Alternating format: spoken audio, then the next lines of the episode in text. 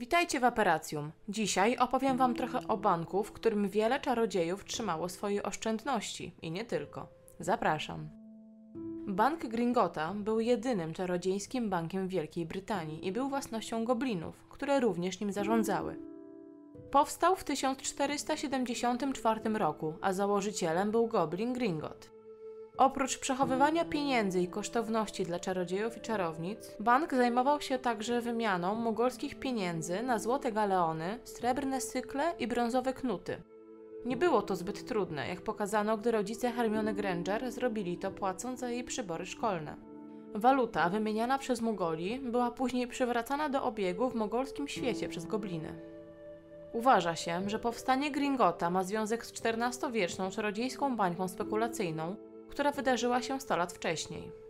Wkrótce potem bank został oddany w ręce Ministerstwa Magii, będąc pod pewnym stopniem zarządzania przez czarodziejów już w XVI wieku. W 1865 roku ministerstwo postanowiło oddać pełną kontrolę nad Gringotem z powrotem w ręce goblinów. Bank Gringota był imponującym, śnieżno-białym, wielopiętrowym budynkiem z marmuru, położonym w połowie ulicy Pokątnej, w pobliżu skrzyżowania z Aleją Śmiertelnego Nokturnu. Było to miejsce, w którym brytyjscy czarodzieje przechowywali swoje pieniądze i inne kosztowności w silnie strzeżonych skarbcach wiele mil pod ziemią. Kiedy Harry Potter po raz pierwszy odwiedził Gringota, Hagrid powiedział mu, że trzeba być szalonym, aby spróbować obrabować bank i że poza szkołą magii i czarodziejstwa w Hogwarcie było to najbezpieczniejsze miejsce.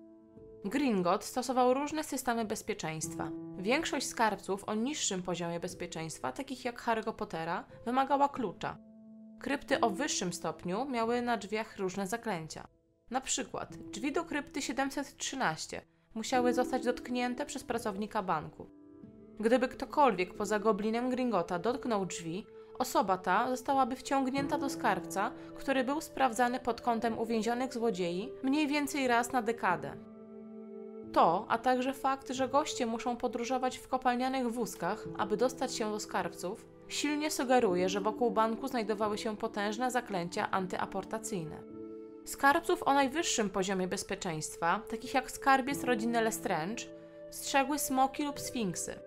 Smoki, mimo tego, że przebywały w banku cały czas, nie były tradycyjnie oswajane, a jedynie nauczone, że gdy słyszą brzękadła, czyli magiczne przedmioty wydające odgłos przypominający uderzenia młotków w kowadełko, wiedziały, że zaraz poczują ból i pozwalały przejść temu, kto je trzymał. Z kolei używanie sfinksów było kłopotliwe ze względu na poziom zagadek, które zadawały. Innym środkiem bezpieczeństwa był wodospad złodzieja. Zaczarowany wodospad, przez który muszą przejść wozy prowadzące do krypt. Anulował on wszystkie zaklęcia i przebrania oraz spychał wozy z toru. Niektóre skarbce używały uroków gemino, które powodowało mnożenie się przedmiotów po ich dotknięciu, oraz flagrante, sprawiające, że przedmioty zaczynają parzyć. Razem tworzyły one śmiertelną pułapkę dla złodziei. Obiekty wewnątrz Gringota nie mogły zostać przywołane. Gobliny były niezwykle chciwe i za wszelką cenę chroniły swoich pieniędzy i kosztowności, co czyniło je idealnymi strażnikami kosztowności czarodziejskiego świata. Stało się to jednym z głównych powodów, dla których Voldemort postanowił ukryć jeden ze swoich cennych horcruxów w głębszych podziemiach banku. Nie krył swojego rozczarowania, gdy okazało się, że został on wykradziony. Podczas II wojny czarodziejów bezpieczeństwo banku było dodatkowo wzmacniane, ponieważ wypłata środków zabierała zwykłym klientom około 5 godzin. Sądy prawdopodobieństwa były znanym środkiem bezpieczeństwa stosowanym w tym czasie. Miały one na celu znaleźć ukryte przedmioty, które mogli przemycać klienci. Tylko pracownicy banku mogliby znacznie szybciej wyciągnąć pieniądze ze skarbca dla klienta. Tak jak zrobił to Bill Weasley dla Harry'ego Pottera. Podczas gdy Gringot był w większości obsadzony przez gobliny, w tym Grywka, Bogroda i Ragnoka, wiadomo, że bank zatrudniał również ludzi. Gringot aktywnie reklamował pracę zawodową uczniom Hogwartu, przynajmniej dla łamaczy zaklęć. Bill Weasley pracował jako jeden z nich dla Gringota w Egipcie, wydobywając artefakty ze starożytnych egipskich grobowców i piramid. Kiedy chciał pomóc w zakonie Feniksa, Bill przeniósł się do pracy przy biurku w Anglii, aby być blisko domu. W tym samym roku Fleur de la Cour podjęła pracę w Gringocie po wzięciu udziału w turnieju trójmagicznym, aby poprawić swój angielski, chociaż pracowała tylko w niepełnym wymiarze godzin. Zatrudniali także osoby zajmujące się karmieniem smoków.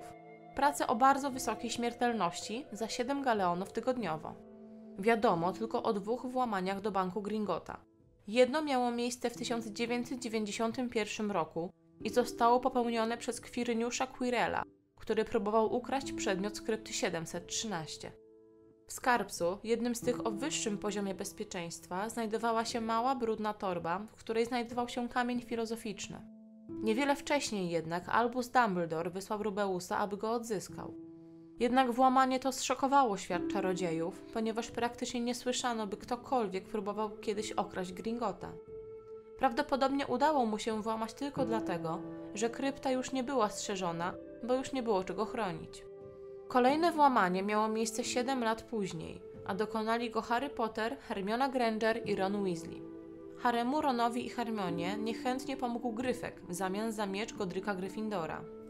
Udało im się to zrobić, ponieważ Gryfek jako pracownik Gringota wiedział jak działają tam zabezpieczenia.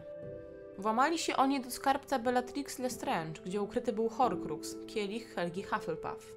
Przy drzwiach banku dwóch ludzkich strażników miało sądy prawdopodobieństwa. Harry szybko użył zaklęcia Confundus na dwóch strażnikach, a Hermiona przeszła obok nich niezauważona. Gdy znaleźli się w banku, groziło im wykrycie, więc Harry musiał użyć klątwy Imperius na Goblinie i Trawersie, aby mogli iść dalej. Kiedy jednak weszli do skarbca Bellatrix, który był wypełniony wszelkimi skarbami, dowiedzieli się, że umieszczono na nich zaklęcia Gemino i Flagrante. Trio jednak zdołało uciec z Horcruxem, uciekając na półślepym smoku, który był częścią zabezpieczenia skarbca, pozostawiając część banku w ruinie. Dowiedziawszy się o tym Voldemort, wymordował dużą liczbę strażników bankowych i urzędników, w tym Grywka, skutecznie wyładowując swoją wściekłość i eliminując świadków. To wszystko, co dla Was przygotowaliśmy. Dajcie znać, o czym jeszcze chcielibyście usłyszeć i na brodę Merlina dajcie łapkę w górę.